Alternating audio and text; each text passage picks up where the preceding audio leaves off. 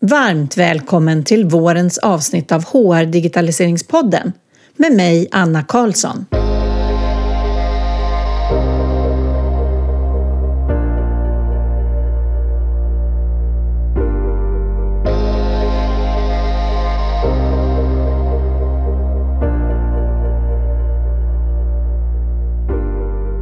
Ett område som diskuteras hett just nu är distansarbete.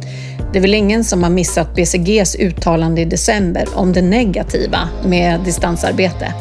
Och självklart håller inte jag med om det, utan det är en naturlig utveckling att arbetsuppgifter ska kunna utföras där de kan utföras och ibland är det på distans och ibland på plats. För att diskutera distansarbete så har jag bjudit in en digital nomad som jobbar från Nairobi just nu.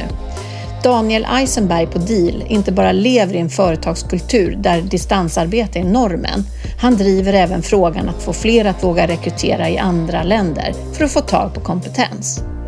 Och som ledare har han också goda råd att ge i hur du ska lyckas med att leda på distans.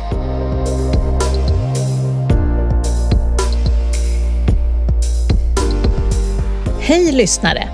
Ja, du lyssnare som jobbar på ett HR-produktbolag. Vill ditt företag nå ut med ert erbjudande eller kanske till och med spela in ett eget sponsrat avsnitt där ni kan dela med er om vad ni gör och varför det är just er man ska välja? Hör av dig på hej.hrdigi.se. Du kan läsa mer på poddens nyhetssida under sponsorskap och reklam. Det är ni leverantörer som hjälper podden att överleva.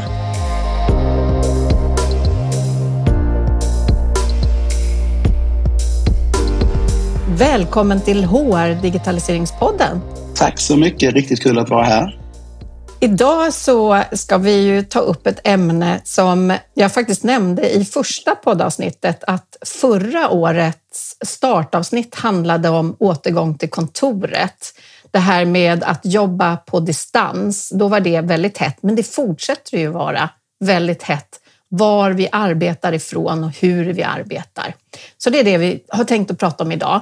Eh, och Daniel, du, var befinner du dig och kan du inte berätta vem du är lite grann?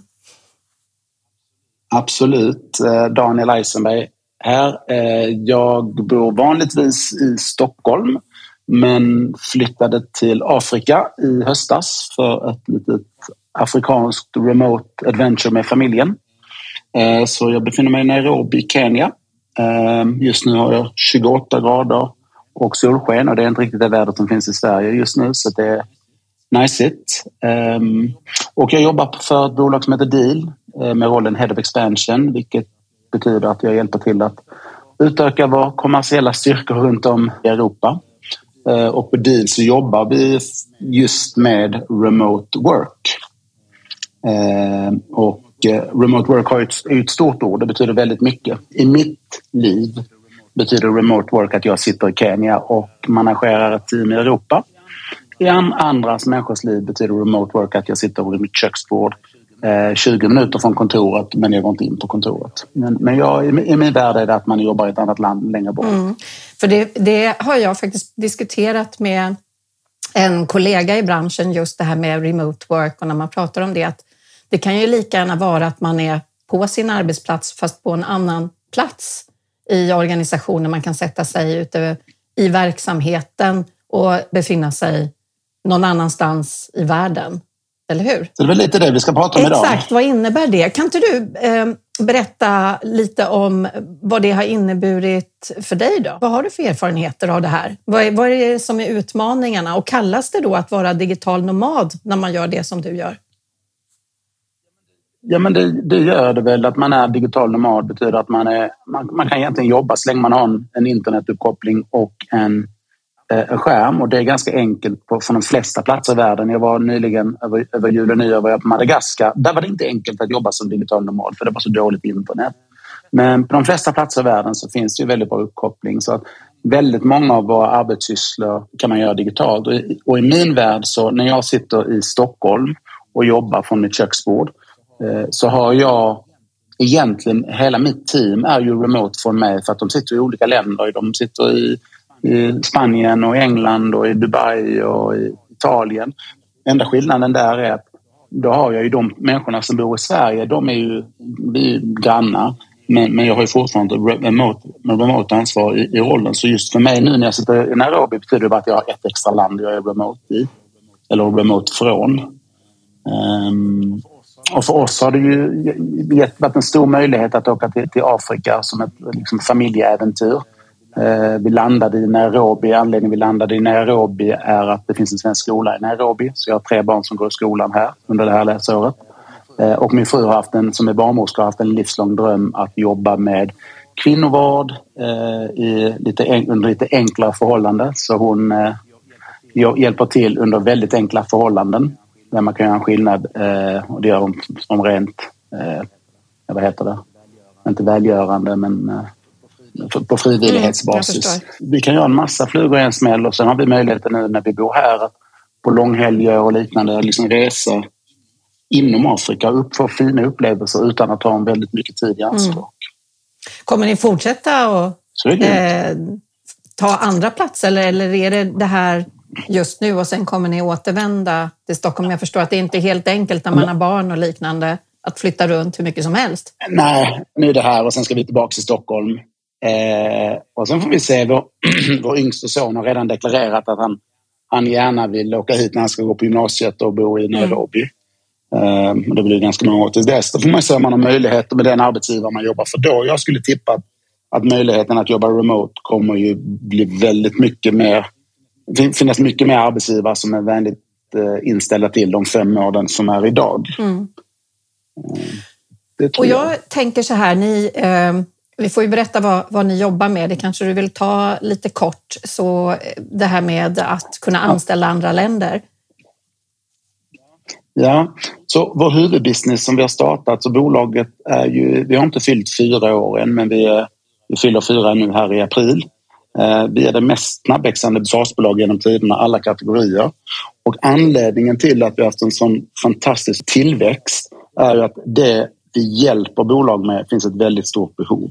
Och det vi hjälper bolag med är lite olika saker, men först och främst så hjälper vi att anställa i regioner där man inte har en juridisk enhet.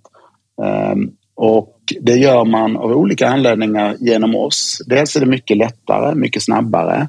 Eh, det, det, finns en hel, en hel liksom sektion och ett område med compliance som vi tar hand om.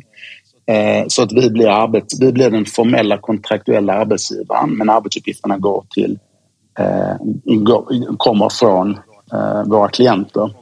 Och det drivs primärt av tre stora drivkrafter. Det ena är talent shortage som vi säkert kan prata om lite senare. Man måste anställa utomlands för det finns inte till, kunskapen finns inte lokalt. Det finns inte talanger att anställa. Det finns för få. Eh, det andra är globalisering. Vi är ett svenskt bolag som vill börja sälja ut i Europa eller vill börja sälja på den amerikanska marknaden. Eh, och i och med att väldigt mycket av, av tjänster idag levereras som tjänst eller som mjukvara eller liknande så betyder det att mindre bolag kan väldigt snabbt börja jobba internationellt. Där man kanske för 30 år sedan man producerade mycket mer saker behövde han ha eh, certifikat, man behövde liksom exportera, man måste ha lager. Så det blev en väldigt stor apparat att gå internationellt. Men idag med SAS-tjänster och allt annat eh, som, som en stor del av vad liksom BNP och vad vi, kom, vad vi från Sverige exporterar är ju saker som kommer på ett eller annat sätt i digitalt mm. format. Eh, och då kan man skala globalt väldigt, väldigt snabbt.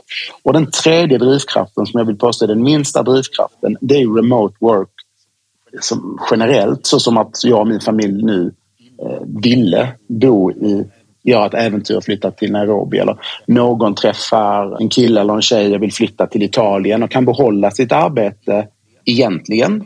Men det blir svårt för arbetsgivaren. Hur ska du behålla din anställning om du bor i Italien? Vi har inget vi har ingen juridisk enhet i Italien och du kan starta en juridisk enhet bara för att du ska flytta till din nya sambo. Eh, och där kommer vi in också. Den är, den är inte lika stor mm. än, men den flexibiliteten att, ähm, att kunna jobba var som. Så det är väl egentligen vad vi gör. Sen, sen utvecklas det mycket. Vi, vi jobbar även med, när jag ändå har möjlighet här att sälja lite vad vi gör, vi jobbar med Global Payroll. En ny möjlighet att hjälpa bolag som har Eh, som har sina egna bolag fast kanske distribuerade i lite olika länder. Istället för att man har lokala payroll-leverantörer i alla länderna så har vi byggt in det i vår plattform eh, eftersom vi har den globala infrastrukturen att betala lön. För vi gör det i vårt i det första ljuscaset. Så det betyder att bolag som kanske har 300 anställda varav 130 av dem utanför Sverige baserat i fem länder. Ja, men då kan vi ta över ansvaret antingen för alla anställda eller bara för de som är utanför mm. landet. Um, och, och det, det, ser vi också ett jättestort eh, behov av i marknaden att just för, eftersom vi blir mer globala.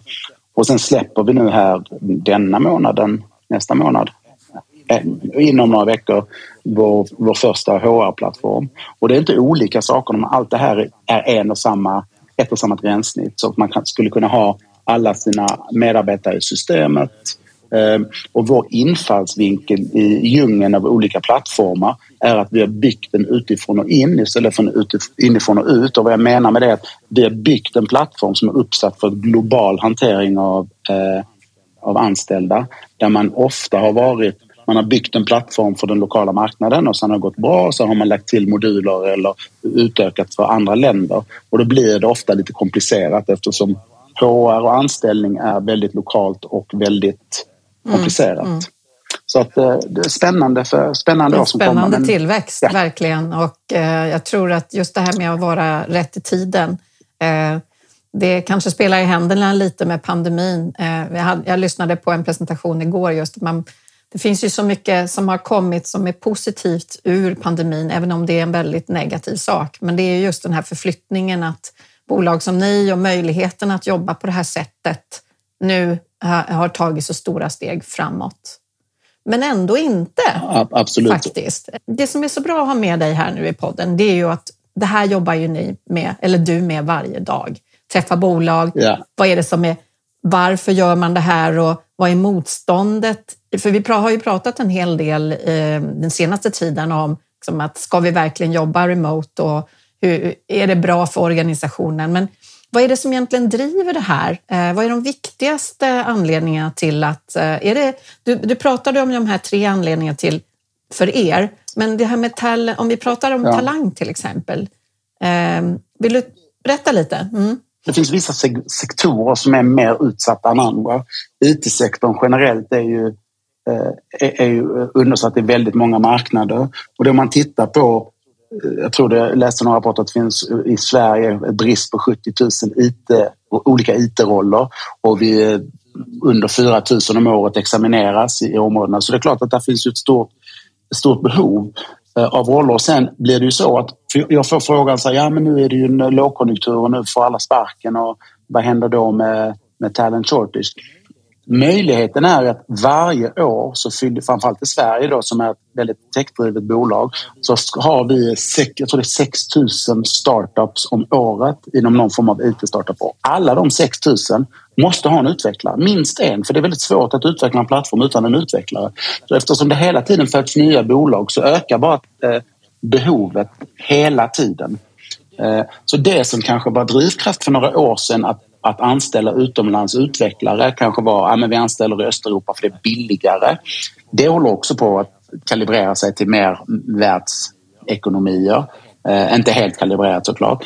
Men, men det, idag så går man utomlands inte för att spara pengar utan för att man har inget alternativ. Mm. Jag såg en rapport i Danmark. 43 procent av danska bolag har haft en annons ute och lagt ner den för att de inte kunde hitta en kandidat. Det är väldigt, väldigt mycket människor. Det begränsar också utvecklingen av bolag. Eh, etc. Och ända sedan jag startade podden, vilket skedde 2019, så har jag följt siffrorna kring det här med att, eh, att, vi att det är fortsatt begränsningar i hur vi kan skapa tillväxt i våra bolag. Och det, har ju inte egentligen, det behöver ju inte bara vara techbolag, utan det är alla bolag, är att vi har brist på talang. Exakt. För att vi är väldigt också attraktiva och bygger mycket bolag, precis som du säger, men också att vi eh, Alternativen är väl att flytta också till, till eh, Sverige där bolaget finns om man inte skulle jobba på distans.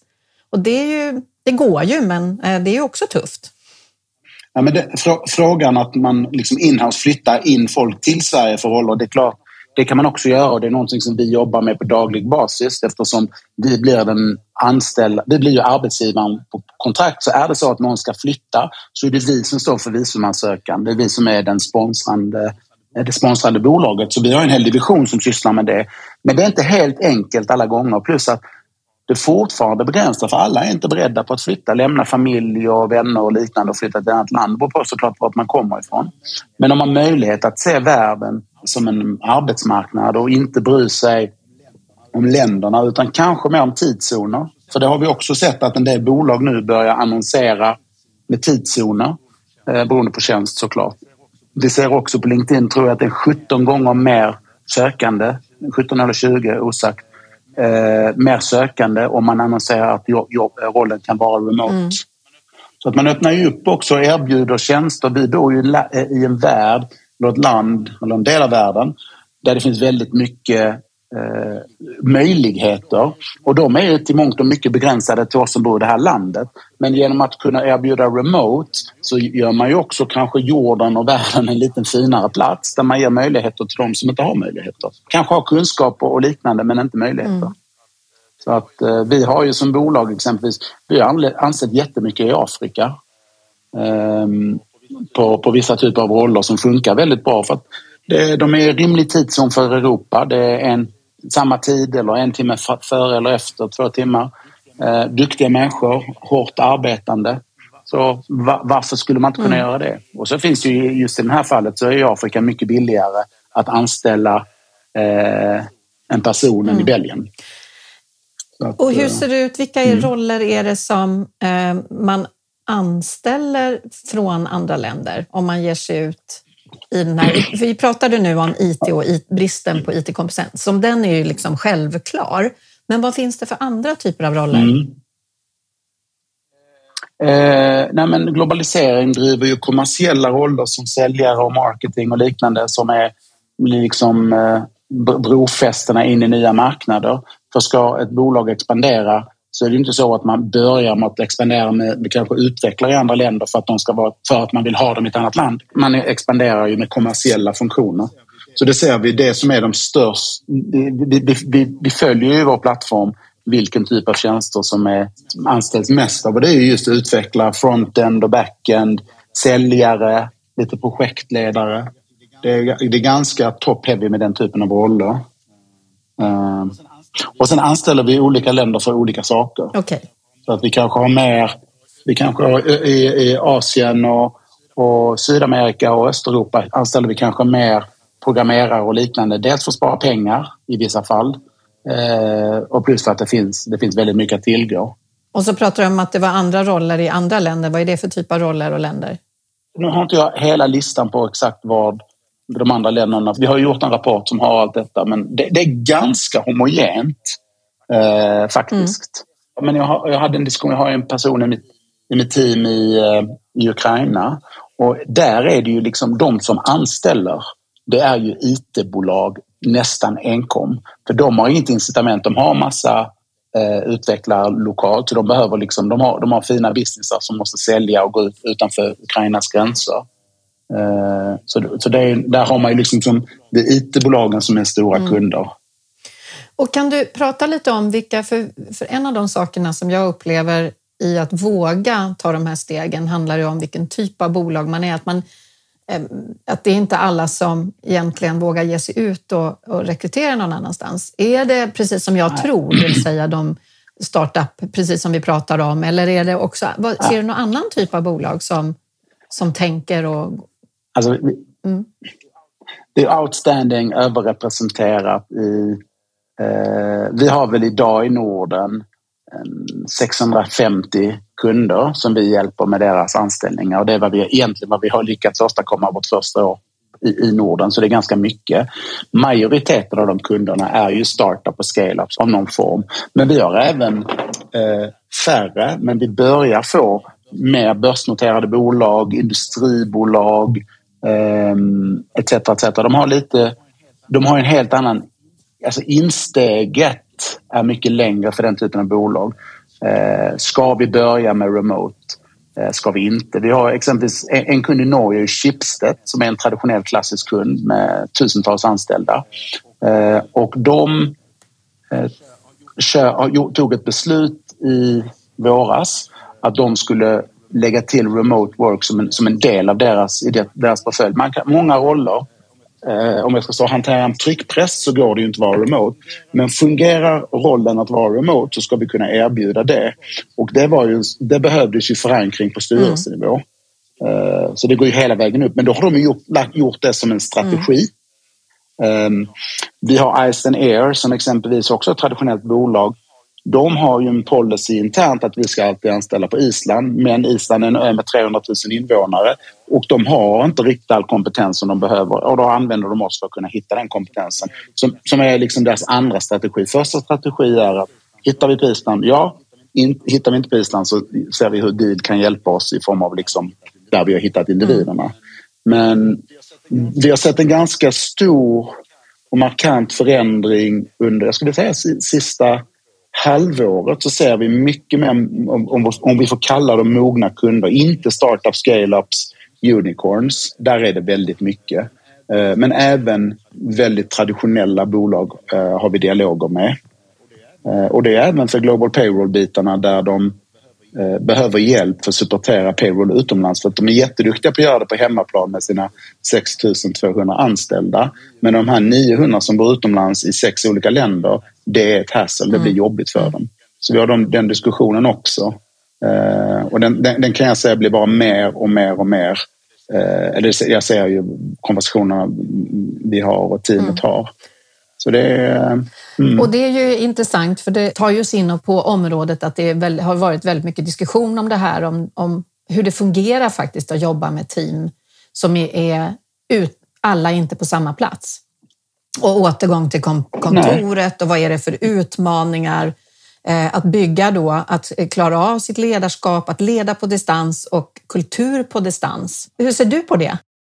Nej, men eh, det är väldigt spännande. Jag faktiskt skrev precis en liten artikel förra veckan som jag laddade upp på mitt LinkedIn eh, där jag egentligen tittar på lite, liksom olika grejer. Så det, några saker som jag har liksom märkt som är viktigt Först måste man ha en, en väldigt strukturerad onboarding. För att man har folk lite här och lite där. Man kan inte sitta vid, i konferensrummet och, och liksom bara lära genom att iaktta. Så vi på Deal har en väldigt strukturerad onboarding. Så det spelar ingen roll vart man börjar jobba. Det är de första tre veckorna ser likadant ut. Det är väldigt digitalt styrt. Så att, att investera i en bra onboarding det är en förutsättning för remote. Eh, man måste också ha digitala verktyg. Så eh, vi använder jättemycket digitala verktyg för bara kort kommunikation, för olika typer av kommunikation. Så även om jag sitter i Nairobi, jag sitter och tittar på kollegor större delen av dagen på video. Eh, då måste man också se vem jobbar man med, hur, hur mottagaren är man för teknologi. Men, men, eh, men verktygen är viktiga. Sen måste man bygga en, en remote first kultur. Man måste ha det liksom i, men vi träffas bara ibland. Vi träffas. Men hur kan vi göra de här vi har inte de här mötena vid kaffemaskinen. Vi råkar gå på varandra och prata lite. Så exempelvis har vi ett verktyg som varannan vecka eh, sätter ihop oss med någon annan i, i bolaget. Så varannan vecka får jag en inbjudan och ska träffa 15 minuter någon. Kanske någon utvecklare i Indien, kanske någon eh, kundtjänst i, i, eh, i Panama. Precis överallt och det är ganska trevligt att bara få de här korta informella mötena när man säger hej, vad pågår hos dig? Vad tycker du om bolaget? Har du några frågor? Jag har varit här längre än dig. Har du några frågor? För du har bara jobbat här i två, två månader. Ja, men jag vet inte riktigt hur det fungerar med, med stock options. Så kan man hjälpa varandra. Eh, sen måste man vara väldigt aktiv när man är remote att poka. Att hela tiden eh, skicka små meddelanden, ringa upp, eh, vara närvarande fast digitalt. Och jag tror att mm, om man, om man får det på plats bra Ehm, då tror jag nästan man kan få en starkare relation one-to-one med de andra, med, sina anställda. För det blir väldigt informellt enkelt. Ehm, och eftersom man då inte har en stor kostnad för infrastruktur i form av kontor så kan man använda de pengarna att arrangera mer möten eh, bara för att umgås eller för att dela budskap eller, och, liknande så att man har eh, kvartalsmöten eller halvårsmöten eller hur man än behöver lägga upp mm. det. Men den viktigaste grejen, den viktigaste grejen det är ju alltså förtroende. Att man litar på sitt team. Att de sköter. Och tror man att de lägger latsidan till och spelar golf hela tiden, då blir det svårt. Man måste hitta individer som funkar i en remote miljö och det är inte alla som gör. När jag intervjuar för, för öppna tjänster, skulle det visa sig att kandidaten inte själv vill gå vidare så är nio av tio eh, gånger fallet att hen vill sitta på ett kontor med mm. folk. Eh, så det, och, det är inget fel i det. Eh, men det, det, funkar inte när man jobbar på deal. Vi har ju kontor i Stockholm, vi, har ju, vi jobbar ju på WeWork så alla som är i Stockholm kan ju ses inne på WeWork men de flesta sitter ju utspridda. Mm. Jag sitter och ler här när jag hör vad du, vad du säger. Det är så tydligt hur, hur mycket eh, de som arbetar i och kulturen i organisationen, att ledarskapet måste klara av det här. Och det är klart att det en väldigt tuff omställning för en traditionell organisation där man är van och har jobbat alla sina år eh, som en ledare på mm. plats där man har sett sitt team. Och eh, vi har ju också en, en tradition i hur vi, jag menar hur vi leder och vad som var fint att vara ledare. Eh, det vill säga eh, mycket piska, mm. mycket eh, se folk och, och, liknande. Och det här är ju en helt ny typ av ledarskap faktiskt. Ehm, även mm. om kanske du och jag tycker Absolut. det här är något självklart så vissa ledare har man ju träffat på som har levt det här eh, hela sitt yrkesliv. Men det är ju en stor förändring. Mm jättestor förändring och det finns en stor demografisk skillnad också. Jag säger att mitt team där de flesta är eh, väldigt unga. Eh, de flesta ligger liksom mellan 30 och 35. De lever helt annorlunda. När vi ska fyra dagar i, heter det, i norska fjällen på något event, ja, då kan de dyka upp med en liten konkenväska och det har allt bagage. För de har lärt sig hur man reser. De är uppväxta med Ryanair och EasyJet där man får betala för väskan och det vill man inte göra. Så de har lärt sig att packa smart medan en annan ska iväg en helg till Göteborg och kommer med två resväskor. Man vet ju inte vad man behöver. Så att det är olika kulturer och där finns ju, alltså baserat på, på, på, på ålder. Och där finns ju, jag kan bara säga lite, jag ska inte säga anekdot, men Douglas Adams säger att allt som finns när man föds är naturligt. Min 11-åriga son skulle inte förstå ett liv utan iPhone. Äh, inte mina döttrar som är 17 heller knappt. Så det är liksom det mest naturliga.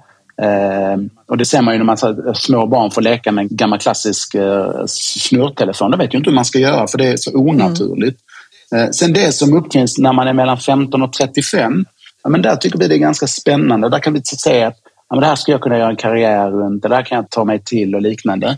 Men det som kommer ofta efter man är 35, det tycker man det där är konstigt och onaturligt. Eh, och det är egentligen, man behöver inte gå längre än till Snapchat. Det fanns ju inte liksom när den digitala eran började. Jag tycker det är jättejobbigt med mina barn. De fattar inte vad man ska med Facebook eller Instagram till. Det är ju Snapchat. För det, det förändras. Det handlar lite, nu är jag över 35 också, så jag är lite jag är lite skrämd för nyheter. är du det verkligen? Att, eh, men jag tror det. Men, nej, det är jag faktiskt inte. Men, men jag tror, äh, både jag, både, äh, faktiskt, både, skal, det är inget fel att vara Skalman heller kring vissa saker. Men, men jag tror att detsamma är relaterat till arbetsmarknaden. Att det vi liksom känner till, ja, men vi ska gå till kontoret och vi ska, vi ska börja jobba klockan åtta så klockan fem ska vi gå hem, för så har man mm. alltid gjort. Eh, så har exempelvis jag aldrig jobbat. Jag har alltid jobbat hela tiden lite och tagit mig frihet när jag inte hade behövt jobba etc. etc. Så det, det, och jag hade inte klarat att gå in till ett kontor 8 till 5. Då hade jag kreverat. Eh, för jag har aldrig jobbat på ett stort kontor i hela mitt liv. Ja, det har jag gjort. Men jag har att, faktiskt eh, eh, jobbat mm. på ett bolag som hade det här med remote work eh, som en del av sin verksamhet redan långt innan det här var en diskussion. Så jag kommer ju från ett storbolag mm. som heter IBM. Och där kunde mm. man ju då se allt det här vi pratar om. För det första så hade man då gjort en struktur för hur man skulle kunna flytta mellan länder så att man kunde göra om mm. lönerna. Nu hade man ju bolag i alla länder så man behövde ju inte er i den omfattningen. Men man kunde göra om sin lön Nej. för att jobba i ett annat land. Man var van att leda människor i andra länder. När jag skulle jobba med ett team som var väldigt internationellt, då hade man självklart utbildningar så jag fick förstå mig på kulturen i olika länder och vad det skulle kunna innebära. Men det här var ju unikt insåg jag när jag lämnade bolaget. Att, att kunna jobba på det mm. sättet. Sen kan jag ju se att olika ledare klarade olika väl av detta eh, i organisationen. Mm. Så vi som har gjort det här länge, jag känner igen allting och kan ibland inte heller sätta mig in i att man inte vill ta sig den resan och egentligen kanske är lite mer av en förnekare att vi, att vi måste dit. Men jag mm. tror vi måste det på grund av alla de som kommer in på arbetsmarknaden nu. De kommer ju kräva det här och gör det redan. Absolut. Mm. De gör det redan. Och det är liksom, om man tittar på olika generationer så finns det olika drivkrafter hos olika generationer. Någon generation har varit mycket att bygga kapital, någon annan massa olika drivkrafter och den drivkraften till många av de som kommer in i arbetsmarknaden nu är frihet. Mm. Det är en jättestor drivkraft. Ehm, och, och, och, och då kan man säga att inte det här är rätt ställe för dig. Men i, i en arbetsmarknad där man om enligt eh, SCB e om, vad blir det, 30, om, 13, om 12 år kommer att sakna 290 000 eh, eh, yrkesbildade eh, roller i, i Sverige ja, men då är det inte riktigt kanske arbetsgivarens marknad. Nej. Eh, och sen kommer hela det globala aspektet på det också som gör att nej, men jag kan sitta i Sverige och utveckla för en kund i USA. Jag kan sitta i Sverige och göra det här för någon i, i Polen. För det blir mycket mer digitalt och, då, och då, då tror jag det blir svårt för de som inte ställer mm. om. Såklart kommer det alltid finnas roller där man faktiskt fysiskt måste vara närvarande. Det är svårt att vara kock och inte vara på plats om vi inte hittar någon AI-maskin som kommer att laga maten åt oss när kocken sitter hemma och bara skapar olika ingredienser. Det kan ju, det kan ju också ske. Men eh, äh, jag, jag jobbade innan jag kom hit för några år sedan så jobbade jag i ett bolag vi pysslade lite med AI.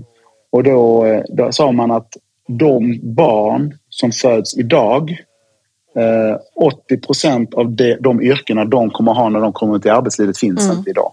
Så det kommer att bli mycket förändring och det, det är digitalisering som driver de nya mm. yrkena. Och jag såg en undersökning eh, bara häromdagen, jag kommer inte ihåg var, var, den var ifrån, men jo, men det var Service Now hade eh, gjort en undersökning kring hybridarbete och att vi ligger eh, just nu väldigt lågt i Sverige. Eh, så att vi måste ju få upp den här takten. Vi låg på att det är 36 procent kontra Singapore, Irland 54 procent och man tror inte att vi kommer öka så snabbt. Mm. Men det är ju den här, alltså, vi, mm. vi är ju en väldigt intressant eh, tid just nu. För å ena sidan så, så är det uppsägningar, å andra sidan är det kompetensbrist. Å ena sidan så har vi alla nystartsbolagen, å andra sidan har vi våra traditionella bolag. Så det är en, eh, en, en, ja. en intressant tid, så kan man väl uttrycka det. Ja, men, ja, men det, det är jättekul och det, det, det går snabbt. Eh, och det, som jag, inledningsvis pratade vi vem som, vilken typ av bolag eh, som tittar på den typen av tjänster vi erbjuder. Och det är en förändring på ett, ett år sedan till idag kan jag säga jättestor skillnad. Jätte, jätte, jättestor mm. skillnad. Och det handlar mest, mest om acceptans. Så är det ytterligare ett år. Eh, sen går någon av de stora svenska bolagen ut Eh, och verkligen bär fanan. Eh, det finns ju svenska bolag som har gått åt andra hållet och sagt att vi kräver att man ska komma in på kontoret. Det har inte de anställda gillat alls. Eh, och det finns de som menar på att om man inte kommer in på kontoret så, så minskas produktiviteten. Du kan hitta rapporter åt andra hållet mm. också. Jag kan bara prata från mina egna erfarenheter så som jag har mitt team som verkligen inte är inne på kontoret. Vi har jättebra produktivitet, anser jag. Jag vill inte ha ut något mer av någon i teamet. En aspekt som vi inte har pratat om, vi har ju pratat om vad är det som driver, jo det är att hitta kompetens och det är att eh, man vill ha friheten att kunna jobba och kunna röra sig. Och det är jätteintressant att se vad Spotify har gjort på det här för att se hur de skulle kunna hjälpa den typen av kategorin av individer som de har anställda för de vill komma åt kompetensen. Men det finns ju en annan del också som handlar om begränsningar och mångfald, att man kan, man kan få in andra också och möjliggöra. Eh, tänker du någonting där? Men jag tycker det är lite som jag var inne på tidigare, det här med att man gör jorden, om man som arbetsgivare eh, möjliggör remote work så gör man ju jorden till en lite bättre plats där man möjliggör för andra människor att också komma in i och bygga, bygga något för sig som man kanske har haft tidigare. Så det tror jag är väl en, en, en stor, stor faktor eh, i framtiden också. Precis, och det var det du tog upp med att kunna få in människor som annars har den afrikanska marknaden som sin hemmamarknad kanske kan få en större Exakt. marknad. Eh, jag lyssnade igår ja. på en presentation där vi fortfarande ligger då att vi eh, tyvärr oss en av de som rekryterar, om vi inte gör någonting åt eh, ledarskapet och de som rekryterar i nästa steg och ska intervjua som väljer bort då kandidater med konstig bakgrund och liknande. Så där har vi ju ett stort arbete att göra. Ja, jag rekryterar ju enligt tidszoner och språk, eller språk först, tidszoner två. Eh, så att jag pratar med alla kandidater. Även om jag får, får jag en, eh, en förfrågan från Indien, jag säger att du har den här tjänsten och de går direkt till mig och inte söker den. Då ställer jag frågan först och främst, vilka språk pratar du? För det är för mig ett, liksom en, en del av kompetensen man behöver när man jobbar lokalt i Sverige eller Norge. Eller, jag tycker det, det, det ska vi inte ta bort. Men om vi skulle haft någon i här, som jag pratar flytande danska för min mamma och hon flyttade hit för 30 år sedan för hon gillade en yoga-retreat och sen stannade hon och pratade danska med hela livet. Jag vet hur, då, förutsatt att hen hade haft rätt kompetenser i övrigt så hade jag inte haft några problem som helst att, Eh, att slänga in en som kandidat i en intervjuprocess. Det som möjliggör också när man, när man får en mycket större marknad att leta kandidater.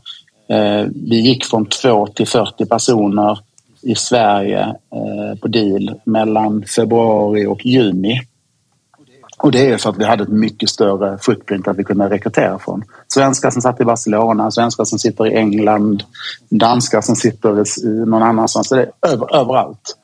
Ehm, så det, sen får man ju också ganska fin lojalitet också för hittar du någon som har flyttat utomlands och har en, eh, liksom får ett bra jobb för att de har en lokal språk. Man tänker kunna vara dansk, vilja jobba i Danmark men vilja bo i Spanien. Nej, men här har jag en arbetsgivare som möjliggör att jag jobbar i Danmark men jag bor i Spanien. Eh, så då, då blir man ju... Det blir bra som arbetsgivare också. Precis.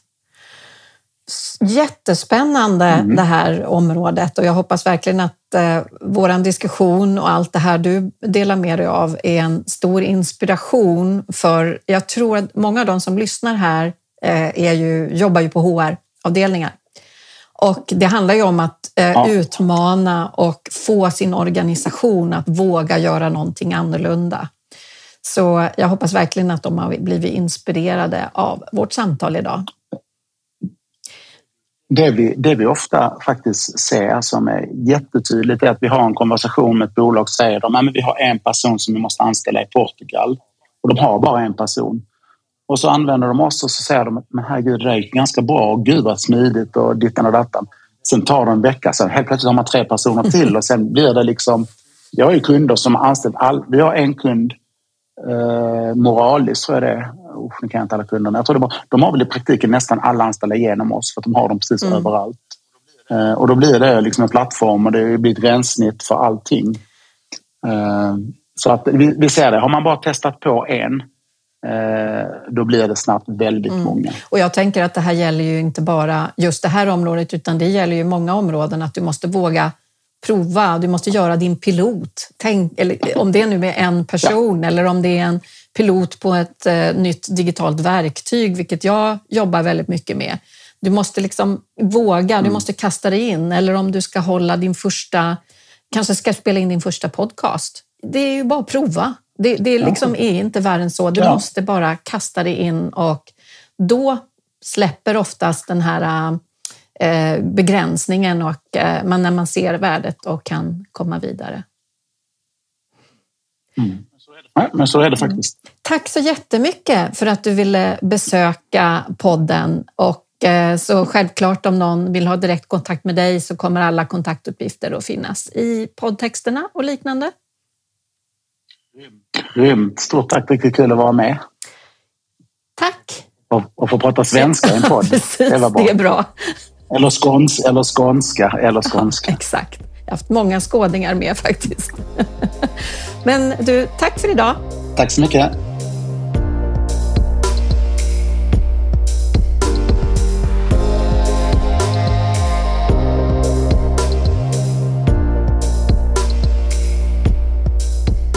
Tack för att just du har lyssnat.